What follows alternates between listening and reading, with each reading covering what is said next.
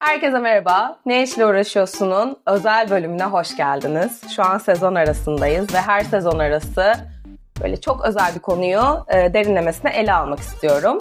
Bugün de çeşitlilik ve kapsayıcılık üzerine konuşacağız. Ne demek olduğu hakkında hiçbirimizin şu an bir fikri olmayabilir.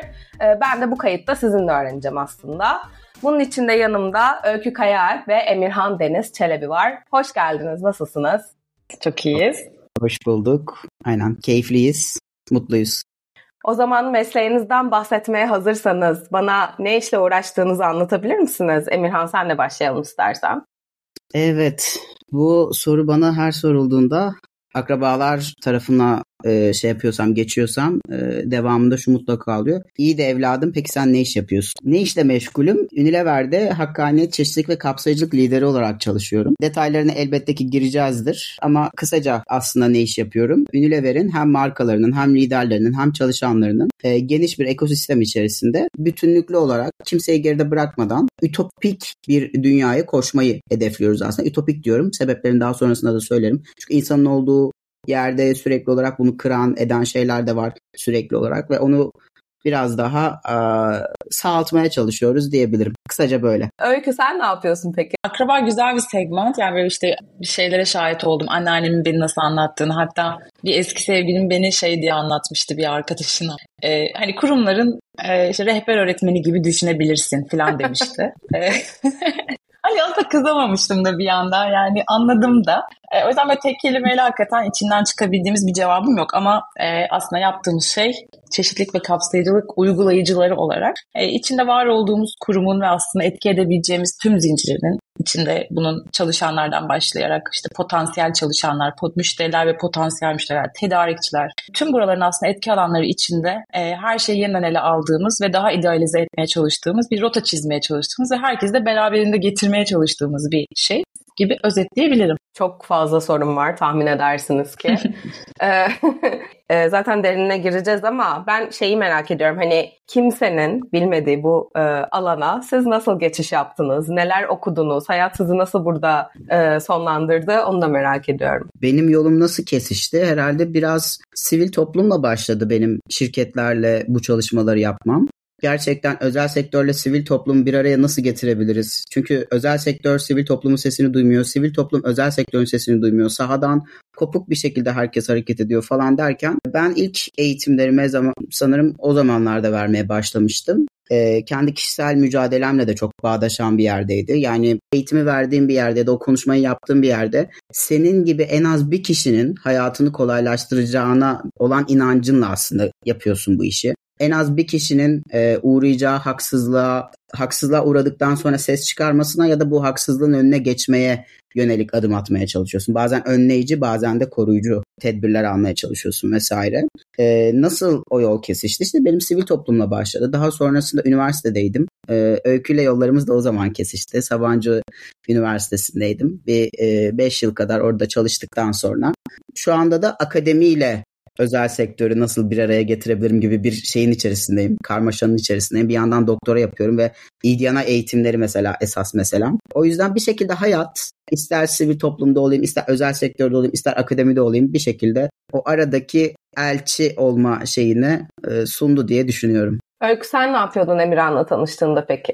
Aslında benim için de e, bu işi full time yapma e, yolculuğumun hani ilk yıllarıydı. Benim yolculuğum tabii biraz şey yani genel olarak hani insani yaklaşımın ne olduğunu hep biliyordum ve neyi yani hak temelli yaklaşımın haksızlık ve eşitsizliklerin karşısındaki savunuculuk duruşunun bir varlık göstermenin yollarını aradığım çeşitli deneyimim oldu. E, işte öğrencilik hayatımda güçlenen sosyoloji okurken e, zaten orada hep ağırlıklı gender çalıştım. Erkeklik yine bir e, konuydu. Göç ve yaşlılarla çalıştım. Farklı farklı segment kentlerin içinde aslında bu konu hiç uzak kaldığım bir konu olmadı. Yine ben de sivil toplumun çeşitli rollerinde aslında kendime bir alan yarattım. Bütün okuma şeyim giderken. Ama yollar sonra şöyle değişti. Seninle de aslında yolumuzun kesiştiği yer olan. Benim de öğrenciyken aslında e, dahil oldum. Ve bir startup görev aldım. Burada da kaldığım uzun yıllar içinde aslında herhalde yani içinde olduğum en diverse e, topluluktu. Kendiliğinden çok farklı deneyimler, disiplinler ve aslında kültürel çok farklılıklar vardı. Ve bu beni çok cezbeden bir şey olmuştu ve hatta orada da gönüllü olarak seninle de yine e, yaptığımızı hatırladım. Bir sürü çalışmayı da başlatmıştık. Çok da güzeldi. Kendi işimizin yanında ben biliyorsun yani orada e, ürün ekibinde, e, marketing ekiblerinde farklı rollerdeydim aslında. Hiç uzak kaldığım bir konu olmadı. Sonra full time yapma şansına çok şans diyorum. Gerçekten bu hani benim için bir şans oldu. E, kurumlar yavaş yavaş biraz yer açmaya başlayınca e, önce Vodafone'da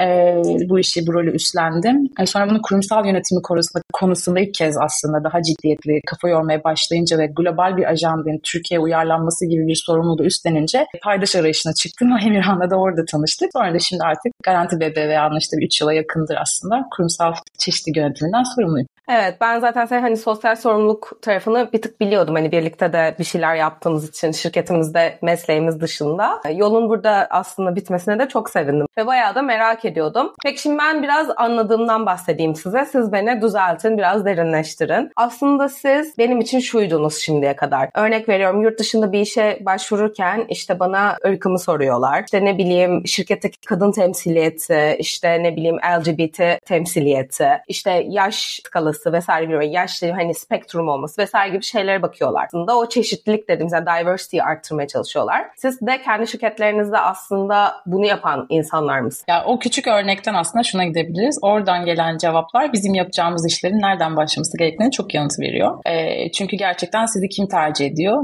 kim etmiyor, niye etmiyor? E, bizim ilgi alanlarımız, çalışma noktalarımız bunlar. Bir de e, tabii ki o veriler bize daha iyi bir deneyim yaşatmanın yollarını da çalıştıracağı için ve bir görüş vereceği için bizim için önemli. Dolayısıyla o sınıflar o yüzden var. Bizim çalışmalarımızın rotasını belirlediği için orada onu biz yapıyoruz. Okey yani siz gerçekten çalışanın yani çalışan kişinin ya da işe girecek kişinin e, avantajına çalışan insanlarsınız yani. E, ben oraya şöyle bir ekleme yapabilirim. Öyküye tamamıyla katılmakla birlikte. Aslında bulunduğumuz ortamda otomatik olarak insanın olduğu her yerde azınlık ve çoğunluk bir hiyerarşi oluşturuyor.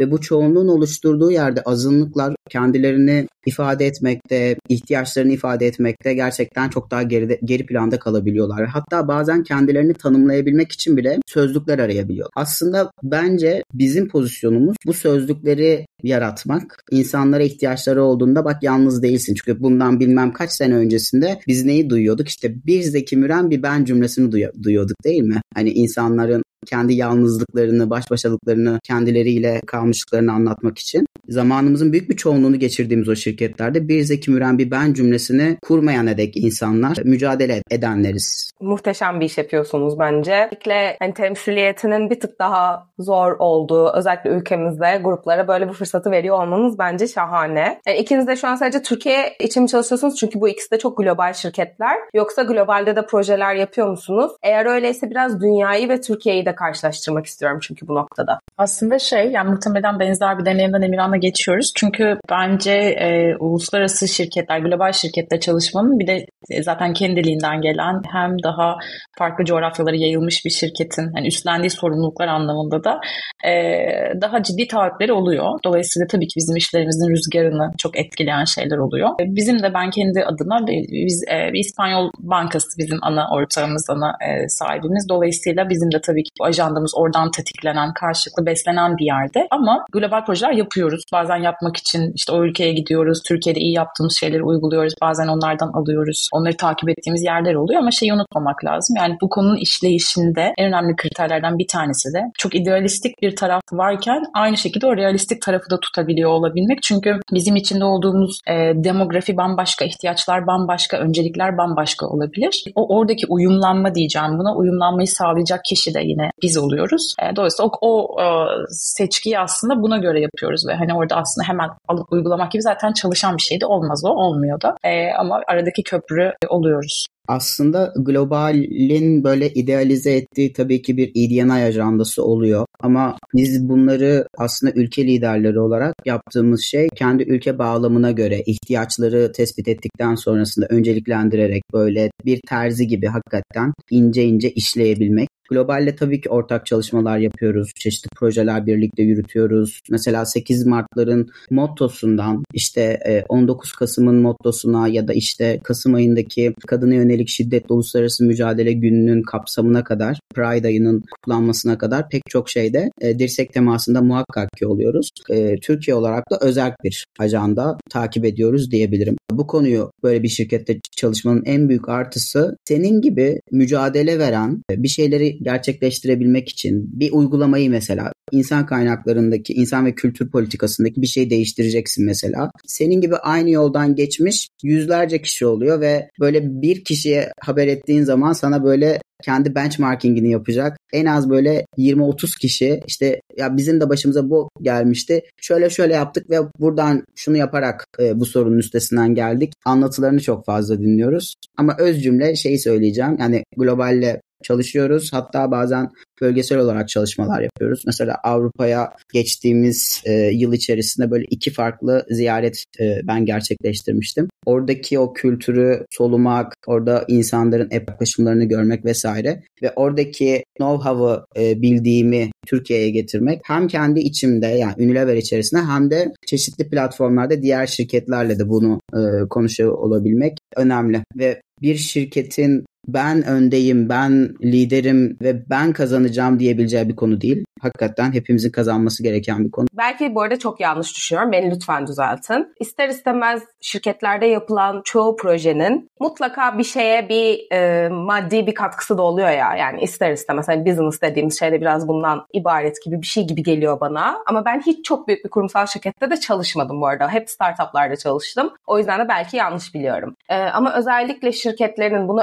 önceliklendirmesi, sizin gibi çalışanlara yer vermesi Bence çok güzel hamleler. Bunlar şirketlere nasıl katkı sağlıyor aynı zamanda bunu merak ediyorum. İşte işe alımların e, vesaire yapılışındaki çeşitlilik e, şirketlere herhangi bir maddi ya da desteksel katkı sağlıyor mu? Bu soruyu kendimize yani ben bu konu bu şeyi oradaki finansal getiriyi belki ne bileyim yani işte oradaki marketing purpose olması gerçeğini bu işe yapılan yatırımların kafaya taksaydım çok mutsuz çalışırdım diye düşünüyorum. Tabii ki böyle bir gerçeklik var. Ama bu benim için mesela bir şey değil yani bir downside asla değil. Çünkü oradaki etki etki yani o biricik etki o biricik etki ki çoğunlukla çok daha büyük. Burada yaratılan alanın işte bize verilen alanın, bunun içinde e, oynamamız ve hani değiştirmemiz beklenen aslında başlıkların ve bizim içeride aslında kademe kademe bazen güvercin adımlarla e, ilerletebildiğimiz şeylerin etkisinin duygusu çok paha biçilemez. Bence biz de yıllar içinde bunu gördüğümüz için de bağlanabiliyoruz. Hatta bunu e, büyük şirketlerde yapmanın keyfini e, ben yeni yeni anladım. Yani benim de hayal, kariyer hayatımın evet yani baskın bir kısmı startupta geçti. Yani sadece kaynak şey anlamda söylemiyorum, bütçe anlamda da söylemiyorum. Konu insan olunca hakikaten e, yani farklı coğrafyalar ve bin bir türlü deneyim ve dolayısıyla güzel bir laboratuvar bizim için. Ama bu evet finansal getirisi, talent attraction politikası her şeye konuşuyor. Bir de artık kurumların da zorunda olduğu yani bu sorumluluğu almak zorunda olduğu bir yapıdayız e, çeşitli sebeplerle. Dolayısıyla ben sadece hayatını değiştirebildiğim işte e, ve hani birazcık daha iyi bir deneyim ve yaşatabildiğim çalışanın mutluluğunun peşinde aslında koşarak var oluyor. Çok şey oldu, siyasetçi gibi oldu. Yok Ama hayır öyle. ben, e, ben zorladım. Yani evet yoksa biliyorsun ben de çok pozitif etkisinin e, yanındayım ama çok gerçekçi yaklaştım. Biraz çıkacağım bundan. Hoşuma gitmedi benim de. İstersen şey yapalım mı? Ben dün verdiğim bir eğitimde çok böyle çok özür dilerim bir hani Emirhan'a şey söz vereceğim. Bir kısımda da şeyi konuşalım. Biz kendimizi rostlarız zaten yakarız yani hani hiç şey değil. E, çünkü benim de çok kafa yorduğum bir konu. Bir, şey, e, dün böyle eğitim verdim. Biz neyi yanlış yaptık? İşte 1960 yılından beri özel sektörün üstlendiği bir konu. 2000'lerde itibaren öyküler, emirhanlar türedi. İşte binlercesi var. Bir şeyleri yanlış yaptık çünkü hala aynı şeyleri konuşuyoruz ve hani bu konu ölmelidir dediğimiz bir tartışma noktasına da geldik. Ben dolayısıyla çok açığım bu tartışma. Emirhan da emin e, çok efsane fikirleri olacaktır. Ee, sözlü Emirhan'a vereyim sonra bence biraz da bu kısmını konuşalım. O zaman ben senin sorduğun soruya cevap vereyim Simge. Sonrasında öyküye verelim o tartışmayı biraz daha derinleştirelim. Ee, şöyle görüyorum ben. Şimdi Türkiye'de hangi kapıyı çalsanız mutlaka o evin içerisinde bir Unilever ürününü görüyorsunuz. Bunun bana kalırsa kurumun kendisine verdiği çok büyük sorumluluk var. O sorumluluğun verdiği duyguyla aslında biz çeşitlilik diyoruz, değil mi? Hakkaniyet diyoruz, kapsayıcılık diyoruz. Bu özel sektörün e, yapabileceği çok büyük bir yani koskocaman bir pasta var ve özel sektör bu pastanın büyük bir kısmına sahip. Burada bahsettiğim şey karlar, marjlar, şunlar, paralar, pullar değil. Net bir şekilde toplumu koskocaman bir pasta olarak düşünürsek eğitim hayatına katılım süresince kaç kişi acaba hakikaten hakkaniyet kavramını, çeşitlilik kavramını, kapsayıcılık kavramını görüyor?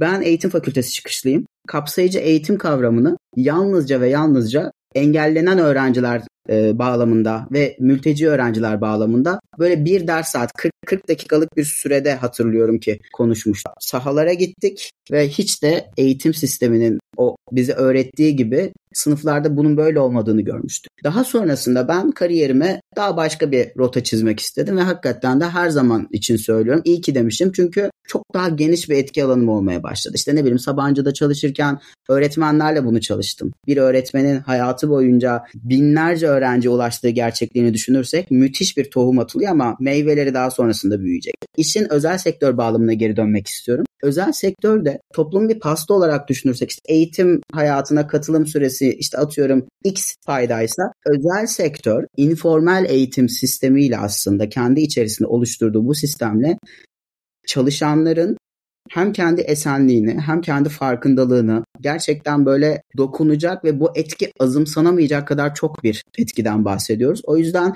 çalışma alanının workplace dediğimiz yerin çok önemli karşılaşmalar sunduğunu ve insanların da hayat amacı haline dönüştüğünü görüyoruz. O yüzden biz son zamanlarda özel sektörde değil mi hayat e, hayat amacını yaşa. Çalıştığın yerde hayat amacını yaşa. Yani işini hayatının içine değil de hayatının içerisine biraz daha işini dahil et ki hakikaten yaptığın işten de keyif al şeyi amacın yaşandığı ve hakikaten daha iyi bir geleceği inşa edebilmek için herkesin yapabileceği en az bir şey olduğunu hatırlattığınız noktada o kültür de bir noktada değişmeye dönüşmeye başlıyor. Hele ki etkisi çok büyük bir şirketteyseniz bunun sorumluluğuyla birlikte Hani şey diyemezsiniz mesela ya bu markamda purposeless çıksın, bu markamda hiç kimseye dokunmasın. Ben bir şampuan satayım, ben bir deodorant satayım diyemezsiniz ve dememelisiniz de. Ebrar'ın oynadığı reklamı hatırlarsınız. Yani çok fazla konuşulmasının bir sebebi vardı. Evet. Çok ters evet. kategori. Çünkü biz bu zamana kadar hep alıştığımız şey neydi? Arkadaş ben o şampuanı kullansam o saç asla öyle olmaz. Kısa saçlı, pembe saçlı X, Y, Z kimliklerle hakikaten e, orada o temsiliyeti vermek mesela bir mesaj aslında. Şunu e, kastederek de biraz sormuştum zaten. Hani çok büyük şirketlerde çalışıyorsunuz gerçekten. Senin dediğin gibi de alanı çok yüksek. E, o yüzden bu konuda bu tarz e, işlerin yapılıyor olması da başka şirketlere de örnek oluşturacaktır. E, ben o yönden çok takdir ediyorum ve her yapılan şeyin e, maddi bir şeyin olmaması gerektiği konusunda da aslında şey yapıyor ve öykü mesela şey hani talent attraction konusu olsun ne bileyim marketing olsun vesaire bence bunlar da düşündüğünde çok kötü şeyler değiller çünkü aslında yapılan işlerinde bir türlü duyulması lazım. Ee, o yüzden bence bırakalım da bunu pazarlayalım. Oraya minik bir ekleme evet. yapabilir miyim izninizle? Yani eğer onun da zehirlemeye başladığı bir nokta oluyor ki ona da tokenizm diyoruz. Yani içeride sen hiçbir hamle yapmadan sırf vitrininde bazı şeyleri göstermek için işte ne bileyim reklamlarını çekiyorsun ama içeride mesela atıyorum hiç de o eşitliği görmüyorsun, o hakkaniyeti Tabii. görmüyorsun, kapsayıcılığı görmüyorsun. O noktada o bu işlerin tırnak içerisinde pazarlanması hakikaten e, bence büyük zarar veriyor. Zaten bunu da bence saha o kadar güzel kokluyor ki hemen ifşasını da yapıyor. Yani hani evet. senin tırnak içinde had bildiriyor. Diyor ki senin haddine mi benim komünitem adına konuşmak gibi gibi. Bunlar da olması lazım bence. Evet ben bu dönemdeki şirket ifşalarını LinkedIn'de falan bayılıyorum bu arada. Biraz da bence gerçekten çalışanlar konusunda neler yaşadıklarıyla ilgili. Özellikle de bu kitlesel işten çıkarmaların olduğu bu dönemde ayrıca öyle bir önemi de var diye düşünüyorum. Peki şimdi biraz işi somutlaştırmak istiyorum ben. Ee, bana biraz böyle yaptığınız projelerden örnekler verebilir misiniz? Mesela sizin bir şirkette gününüz nasıl geçiyor? Biraz bunları detaylandırabilir misiniz? Yani bir nasıl geçiyor? Aslında e, yani bir çalışanın e, yaşayabileceği tüm kritik anları düşünün, tüm deneyiminin dair tüm kritik anları düşünün. Onların hepsi bizim odak alanımız. Tabii ki toplumsal cinsiyet eşitliği yatırımları bizim gibi kurumlarda e, yani yatırım yapılması daha baskın konular. Çünkü içinde bulduğum, bulunduğumuz şeyde de yani dinamikte de aciliyetle ele alınması gereken konulardan biriydi. Dolayısıyla bizim çalışmalarımıza çok yön verdi. E, veri ve veri takibi, monitoring dediğimiz kısım çok fazla var. Ciddi bir raporlama yapıyoruz. Çünkü bizim önümüzdeki 5 yılda yönetim kurulundan, yönetici kadınlardan, kimlerin nereye terfi edeceğinden, hangi kanıtla terfi edeceğinden, hangi gerekçeyle bunların hepsini takip eden bir sistemi zaten oluşturmuş ve e, planlarıyla aslında aksiyonlarıyla hayata geçirmiş olmamız gerekiyor. Bunu yaparken e, bunu yapacak, gerçekleştirecek kitleleri, ekipleri ve liderleri aslında hazırlamamız ve o orkestrasyonu yapmamız gerekiyor. Bir kere bir veri kısmı var. Yani işte bu engelli çalışanlarınız kaç farklı jenerasyon nerelerde konumlandığı, kimlerin hangi birimlerin kafasından kadının geçmediği falan gibi aslında odaklar bize zaten e, işi gösteriyor. İşte Garanti BBVA'da her yerde yani Türkiye'nin her ilinde. Dolayısıyla benim sorumluluk alanlarından bir tanesi gayet tabii Kars'taki bir şube çalışanının işte yeni hamilelikten dönmüş bir e, deneyimi, dönüş deneyimi, oradaki süt odasının gereklilikleri kapsayıp kapsamadığından, görme engelli bir çalışanın bina içinde yaşadığı tüm deneyimden, asansörün kapanma ve açılma hızına kadar veya dijital erişilebilirliğinden veya liderlere yapılacak aslında ki en kritik ekip olarak onları da kurguluyoruz. Sistemik değişime aslında tetikleyecek en kritik ekip olarak. E, onlara dokunduğumuz her alandan ve şirketin aslında tüm bu hikayeleri dışarıya da aslında olduğu gibi anlatmak ve eksik olanları da çalışanlardan uzanan bir hikayeyi dışarıya anlatmak, bir itibar noktasında bir temsiliyet sağlıyoruz. E, bu da tatlı bir rekabeti oluşturuyor pazarda ve ben bundan çok keyif alıyorum. E, ama günlük işlerimizin e, kısmında hakikaten politika geliştirmekten, çok fazla fikir satmaktan, icat çıkarmaktan, alışılagelmiş düzeni bozup bunu böyle, bundan sonra bunu böyle yapacağız konuşmalarından, e, biraz aslında rahatsızlık vermekten ama e, nedenini ve faydalarını da aslında doğru bir yaklaşım anlatabilmekten geçiyor benim için mesela dönemsel olarak değişen bir şey. Unilever'de ilk işe başladığım zamanlarda bu ajanda, e, EDNI ajandası kapsamında böyle 4-5 kadar kişiydik biz bir şeyler yapmaya çalışan. E, o zamanlarda bir günüm bir stratejiyi, bir oyunun planını yeniden kurmakla geçti aslında. Bunu yaparken aynı zamanda da işte dinlenme alanlarında, kitchenet alanlarında zaman geçirmek, bazen fabrika ziyaretlerini yapmak, saha satış ekiplerini gözlemlemek, bazen onlarla birlikte hakikaten dondurma dağıtmak. Yani birisinin ne yaşadığını görmek için onunla bir günü geçirmek gerekiyor gerçekten ve o sahanın tozunu ciğerlerine hakikaten e, bolca çekmek gerekiyor. İlk yılım e, gözlemle geçti. İşe girerken de o zamanlar Mel'le konuşmuştuk. Mel e, insan ve kültür ekibinin başkanıydı. Ve Mel'e ilk söylediğim şey şuydu benim. Mel benden 6 ay falan hiç somut bir şey bekleme. Ben oturacağım, istediğim toplantıya gireceğim. Kitchenet alanlarında insanları gözlemleyeceğim. Sorunlar, meseleler neymiş bir durmaya çalışacağım. Çünkü bir de insanların bana güven de duyması gerekiyor. Bir şeylerini gelip anlatabilmeleri için. E bana anlatacaklar ki ben kişilerin e, münferit meselelerini biraz daha sistem içerisinde nasıl çözebileceğim üzerine düşünebileceğim vesaire. O zamanlarda tabii bol toplantılarla geçiyordu, bol e-mailleşmeler, tanışmalar hala böyle e, yani o dönemde şirketteki böyle stratejik kişilerle tanışma şeyi böyle 45 kişilik falan bir liste verildi bana. Bir buçuk ayım sadece tanışmakla falan geçti. Çünkü hakkını vererek tanışmak istedim. Velhasıl o zamanlar böyleydi. Bu aralarda 2024 stratejisini böyle finalize edip üst yönetimle de bir el sıkışıp hakikaten e, yeni döneme gümbür gümbür başlamak koşturmacasındayım. Bu sene ilk defa hayata geçireceğimiz belli projelerimiz var. Geçen sene başlattığımız bir akademi programı vardı mesela. Bu sene ona devam edeceğiz. Başka şekilde şekillerde geliştirip. Onun mesela ona kafa yorduğum e, dönemlerdeyim. Onun dışında e, işte şirket içi içerisinde her yıl gerçekleştirdiğimiz bir anket çalışmamız var. O anketin maksimum e, insan tarafından doldurulması için aralarda ufak böyle nasıl trikler yapabiliriz? İşte word of mouth'ı nasıl yayabiliriz? E, sahaya yaptığım ziyaretler şeyi hatırlıyorum yani 2 Ocak'ta köprü tatilden döndüm. 3 Ocak'ta ben Adana'daydım. 4 Ocak'ta Samsun'daydım. İşte 5 Ocak'ta Ankara'ya gittim. Ee, 15'inde Antalya'ya gittim 5 gün oradaydım falan böyle insanlar bir zaman sonra şey diyordu Emirhan seninle konuşmak için kuleden izin alalım mı arkadaşım diyorlardı. Hakikaten öyle bir dönemim e, geçti. Muğla seyahatim olacak, bir Safranbolu yapacağız, bir Giresun yapacağız.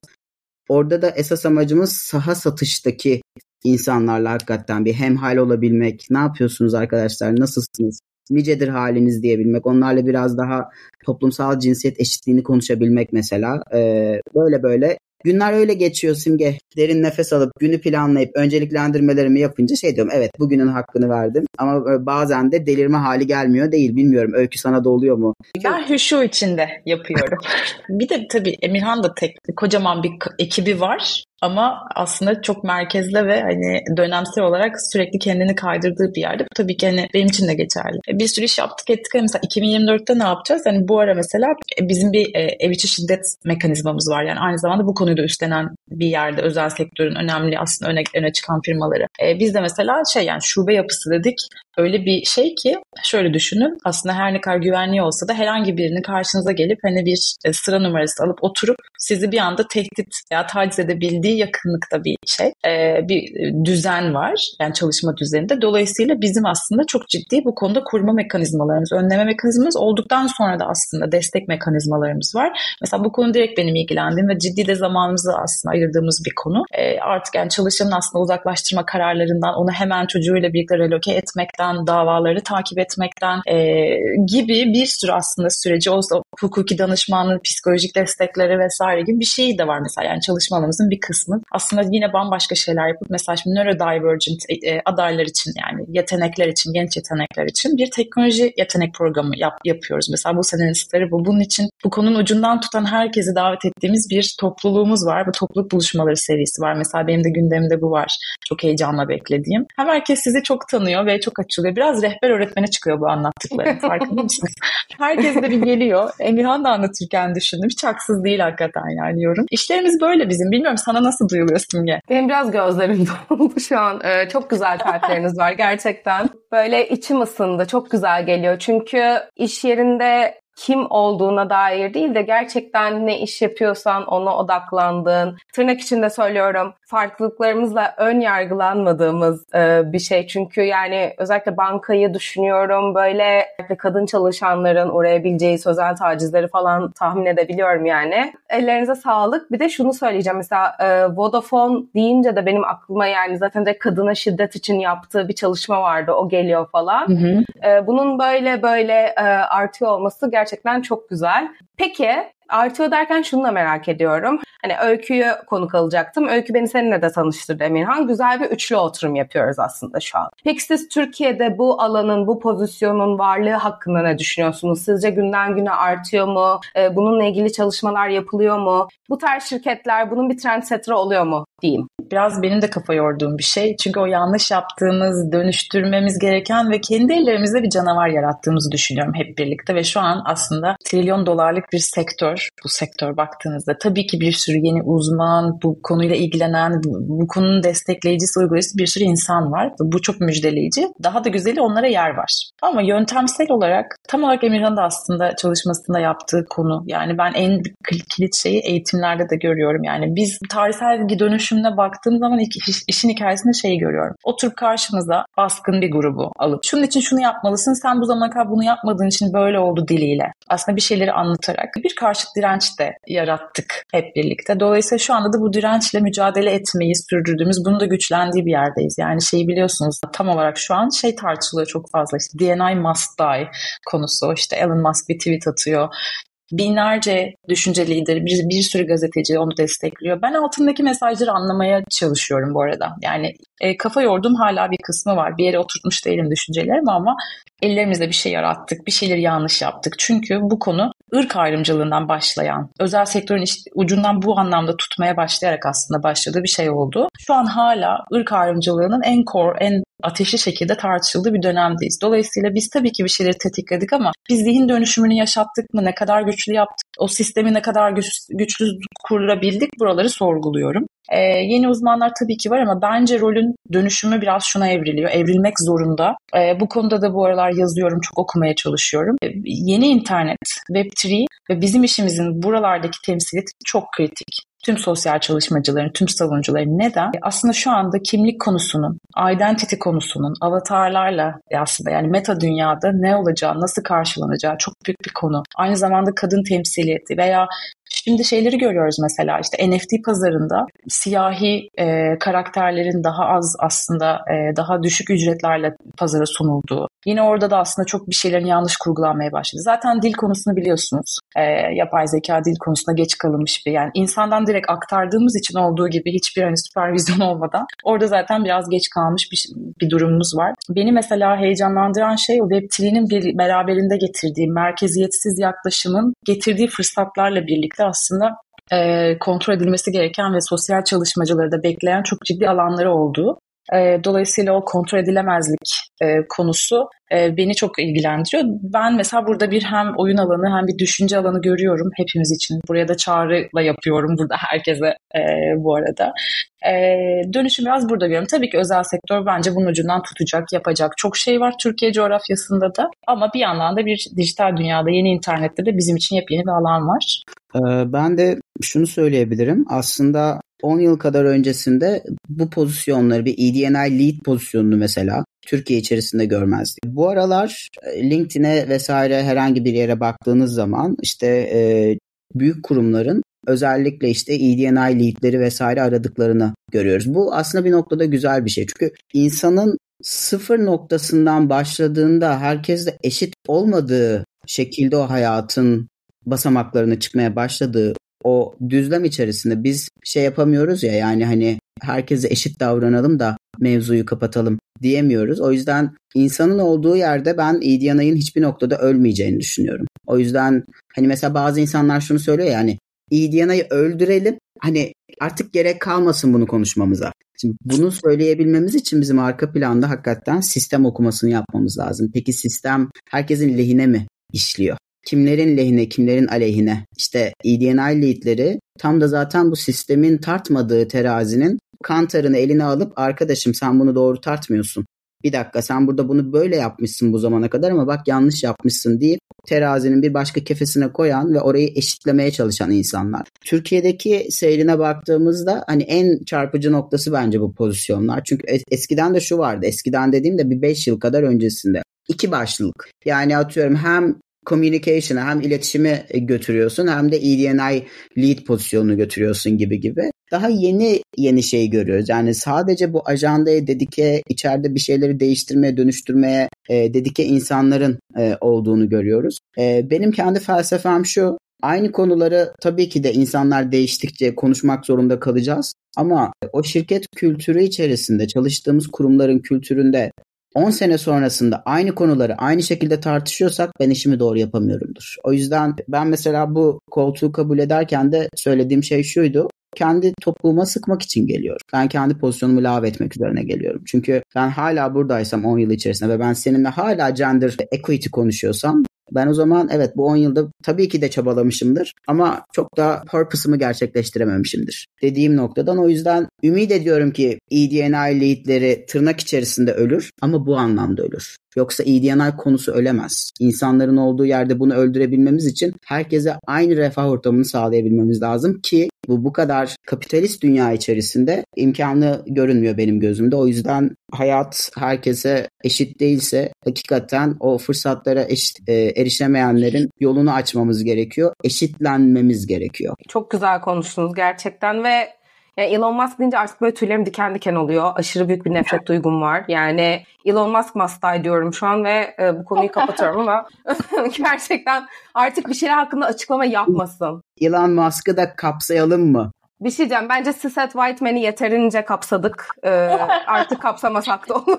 O, o, o kotamız dolmuştur. Bir süre işte bir süre kapsamayalım. Bir süre kapsamasak olur mu? Aynen. Orada da şunu hatırlatalım mı? Hakikaten ifade özgürlüğü ve nefret söylemi ayrı şeyler. Nefret söylemini kapsamak zorunda değiliz. Nokta. Kesinlikle. Ve zaten ben bu işin başka bir gruptan nefret ederek çözüleceğini de düşünmüyorum. Bu herhangi bir iki karşıtlıkta da böyle. Sağla solun nefretinin birbirini e, çürüterek birinin galip gelebileceğini düşünmüyorum. Gerçekten barış dolu bir dünyada yaşamak istiyorsak biraz radikalliklerimizden uzak durmamız gerektiğini düşünüyorum aksine. Biraz daha insancıl yaklamış gerektiğini düşünüyorum. Bu arada Pardon. çok sık geçtiği için çok pardon Emirhan. EDNI şu demek arkadaşlar. Equality, Diversity ve Inclusion demek. Yani çeşitlilik, kapsa, kapsayıcılık ve hakkaniyet e, diye Türkçeleştirebiliriz. Buyur sen bir şey Emirhan sen düzeltmek ister misin EDNI simgenin aslında hani yanlış da de, diyemeyiz ama madem açtık konuyu. Aa okey evet.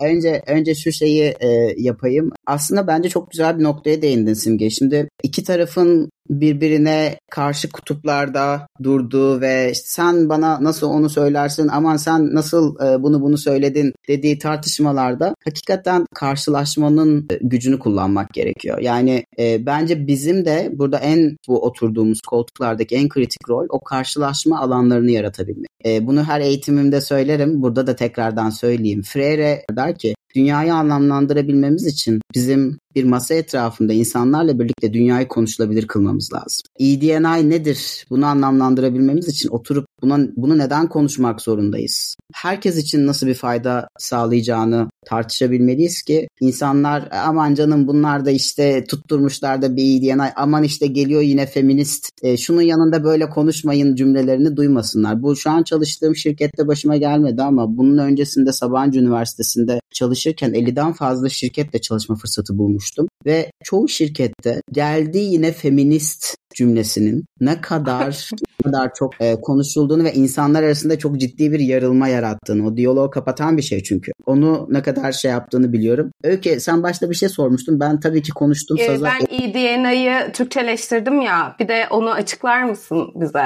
Hadi Öykü istedi ben söylemez miyim? Önce şu soruyu başlıyoruz aslında. E, iş dünyasında herkese eşit davranmak eşitsizliği giderir mi? Temel sorumuz aslında. Eşitliğin tabii ki de önemi var ama herkese eşit davranmak eşitsizliği gidermiyor. Bunun klişe bir tane görseli de var. Birbirinden farklı böyle 3 farklı boyda olan kişilerin altına 20 santim yüksekliğinde kutu verdiğinizi düşünün ve karşınızda da 2 metre yüksekliğinde bir duvar var ve duvarın arkasında çok yükseldiğimiz bir maç var. Sadece bu eşit davranacağım diye herkese 20 santim yüksekliğinde kutuyu vererek eşitliği sağlayamıyoruz. Ayrımcılığı gideremiyoruz. O yüzden evet. ne yapıyoruz?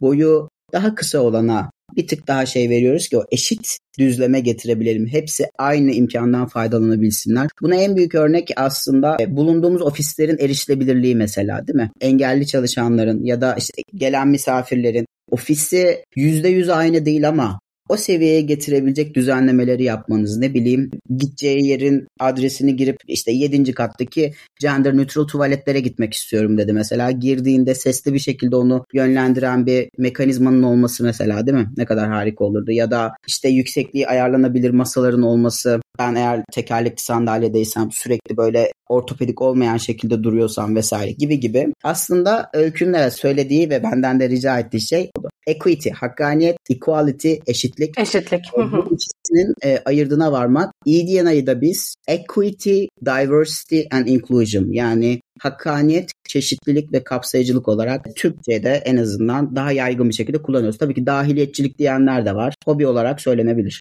Hobi olarak. ben sana söyleme demiyorum ama saatlerce konuşasım var ama konuşmamak adına böyle son iki soruyla toparlayacağım.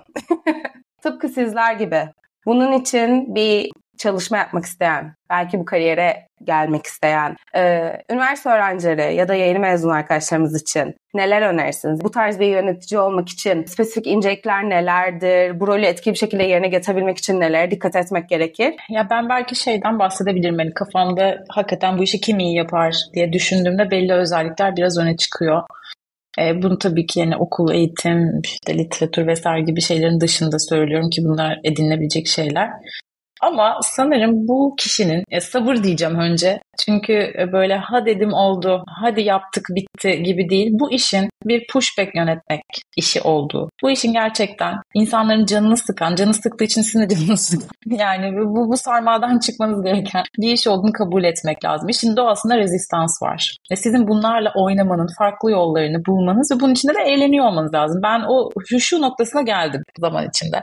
Çok da keyif aldığım bir tarafa evrildi. Çünkü bir, bir şekilde aştıkça bazı şeyleri ve hani ikna ve güzel bir uzlaşı noktası da sağladıkça keyif alıyorsunuz hakikaten.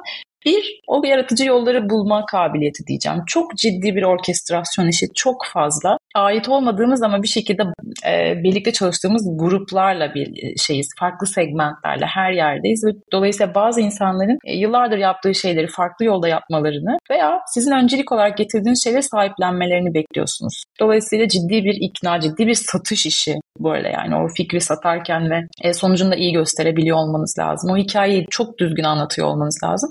Bence başta söylemiştim aslında bir yerde ama yani biz tabii ki böyle konuşuyoruz şimdi üçümüz elleri tutuşup semaya da yükselebiliriz. Bu iş öyle bir iş yani. Hani hakikaten bütün konuşmalar öyle sonuçlanıyor odalarda, masalarda. Aksiyona gelince o paydaşları doğru zamanda doğru e, eforları koyacak şekilde almak e, hiçbir zaman kimsenin öncelik %100 öncelik işi değil. Hiçbir şirketin de %100 öncelik işi bence olmayacak. Herkes zaten büyüme odaklı bir stratejinin içinde tabii ki destekleyen en önemli şeylerden biri.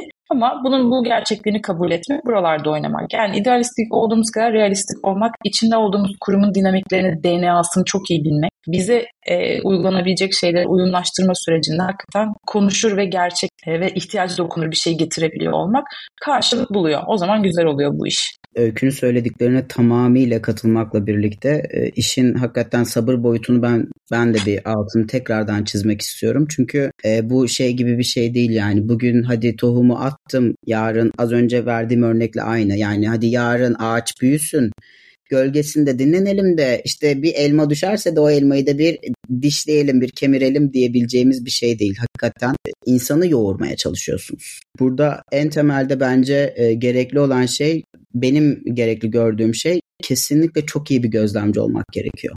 O kadar iyi bir gözlemci olmalısınız ki başkalarının görmediği bir şeyi görüp bunu kendinize dert edinip, mesele edinip bunda belli paternler var mı bunu te- tespit edip e, daha sonrasında bunu önceliklendirip en efektif bir şekilde o sonuca nasıl ulaşabilirsiniz? E, bazen çünkü böyle kuyu karşınızda kuyunun üstünden atlayamıyorsunuz. Yanından geçmek zorunda kalabiliyorsunuz. Bu genel olarak Türkiye'de EDNI ajandasını yönetmeye yönelik söyleyebileceğim bir şey. Ee, bazen bazıları o kuyuyu koymuyor bile. İkincisi eleştirel düşünebilme. Yani herkesin A dediğine siz B dediğinizde tırnak içinde söyleyeceğim bu ifadeyi sizi köyün delisi ilan ediyorlar. Ve siz diyorsunuz ki Evet gerçek bu ama yani bu olması lazım. Bakın diyorsun şunu okudum, bunu araştırdım, şunu gözlemledim, bu zamana kadar deneyimim bu. O diyor ki hayır biz buna yıllarca A dedik. Bu A. A buçuktan B'ye bile çevirebilmek bazen ayları yılları alabiliyor. O, o noktada da bana kalırsa resilience çok önemli bir şey. Yani o sizin direngenliğiniz hakikaten böyle es, bazı noktalarda o esneyebilmeniz, bazı şeyleri kişisel algılamamanız ve bunu böyle kendinize düstur haline getirmeniz. Çünkü içe girdiğiniz yani o kapıdan içeri girdiğiniz andan itibaren bazen insanlar sizin ne yaptığınıza bakıyor. Bu çok ilginç. Mesela bana arada şu soruyu soranlar var. Emirhan sen hiç küfür ediyor musun ya? Ya da işte hani sen hiç mi kötü bir şey yapmıyorsun? Böyle şey gibi düşünüyorum. Sanki böyle ermiş, Aziz ne, falan böyle. Aziz, peygamber gibi falan bir yere konumlandırıyor. Hayır insanım ama burada taktığım bir maskem olmak zorunda. Yani ben de tabii ki trafikte sinirlendiğim zaman sinir kötü kelimeler kullanıyorumdur ama belki cinsiyetçi değildir. Yani sen başka başka şeyler söylüyorsundur. Ben başka başka şeyler söylüyorumdur. Ee, orada hakikaten şeyin e, farkına varabilmek bence önemli. Yani hani e, bulunduğunuz e, yerde bazen de o rol model olmak durumundasınız. Çünkü siz lead by example dediğimiz yani örneğini evet. hangi onlar yapsınlar e, gibi bazı bazı yerlerde bu kapıyı açıyor. E, bazı yerlerde o eleştirel düşünceyi tıpkı öykünün çok güzel ifade ettiği gibi nasıl sattığınız, fikri nasıl sattığınız. Burada satmak derken neyi kastettiğimi eminim ki anlıyorsunuz. Çünkü hakikaten fikir fikir satıyorsunuz. Yani diyorsun evet. ki bak sen uygularsan bunun sonucunda e, insanına, müşterine, efendime söyleyeyim ekosistemine böyle bir katkı sağlayacaksın. Ee, işte burada da mesela e, özellikle başka şirketlerle çalışırken e, üniversitede çalıştığım zamanlarda e, çok ciddi şeylerle, dirençlerle karşılaşıyordum. Ya ben bazı şirketlere CEO'yu ikna etmek için gidiyordum. Bu konunun neden önemli olduğuna dair. Mesela işim oydu. Şeyde o yazıyor sözleşmede. CEO'yu ikna et. Yapıldı mı? Hemen. Okey tamam. Biliyoruz. Çünkü hakikaten yukarıdan aşağı bazı şeyler. Çünkü o noter orası. Kapıyı o açıyor size. Gatekeeper o yani. Hani e, diyor ki tamam gir içeri ya da çok geldin bu kadar gelme diyebiliyor gibi gibi. O yüzden ikna yeteneği e, yine e, öykünün de altını çizdiği üzere çok çok gerekiyor. Çok iyi bir satıcı olmak gerekiyor. E, öykü sen bir şey ekleyeceksin. Acil bir şey eklemem lazım. Böyle Acil. titremeye başladı. Görüyorum bu arada şu an. Evet. Yani ne biliyor musunuz? Şey çok önemli. Ee, benim tabii yani zaman içinde öğrendiğim bir şey bu da. Ee, bir değişimi yaratmak ve o kapıyı işte o noterse kim bu karar verici kişiyi aslında bir şey satacaksak o kişiyi güçlendirmek çok önemli. Bir kişinin zaten uzak kalarak hayatını geçirdiği ve o noktaya geldiği gerçeğini bir kenarda tutarsak evet. e, ona bambaşka bir konsepti, bambaşka bir literatürü getirip de bir trendi e, sahip çıkmasını, bu konu savunucusu, hızlı savunucusu olmasını bekleyemeyiz. O liderleri güçlendirmek çok önemli.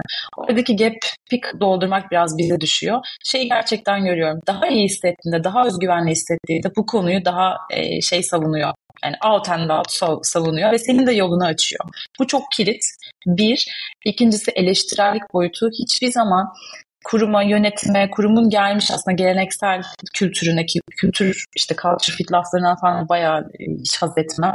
Hani buralarda çok uyumlu ve bilinen, e, liyakat dolu, bağlı çalışanların hakkıyla yapabileceğini düşünmüyorum bu işi. Bu işi yapmak için Köln değil, Köln delisi olmayı bir kere göze almak. Ee, bir yandan da şeyi yani o, o gözü hiç kaybetmemek lazım.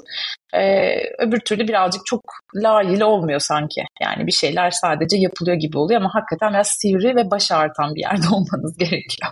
Kesinlikle. Bazen de işte o başı ağrıtırken şey yapmanız lazım. Hani bir yandan başı ağrıtıp al ağrı kesicini de burada hani ağrıyacak. Evet. evet. Hani bildiğin yapmanız lazım ki diğer türlü harekete e, bir şekilde geçilmiyor. Esas amacınız orada başı ağrıtmamak değil ya yani olay olsun. Başı ağrırsa Ama şimdi şimdi ağrımazsa sonra başın daha kötü ağrıyacak Aynen. demek. O da Sattık mı bu iş? Sattık.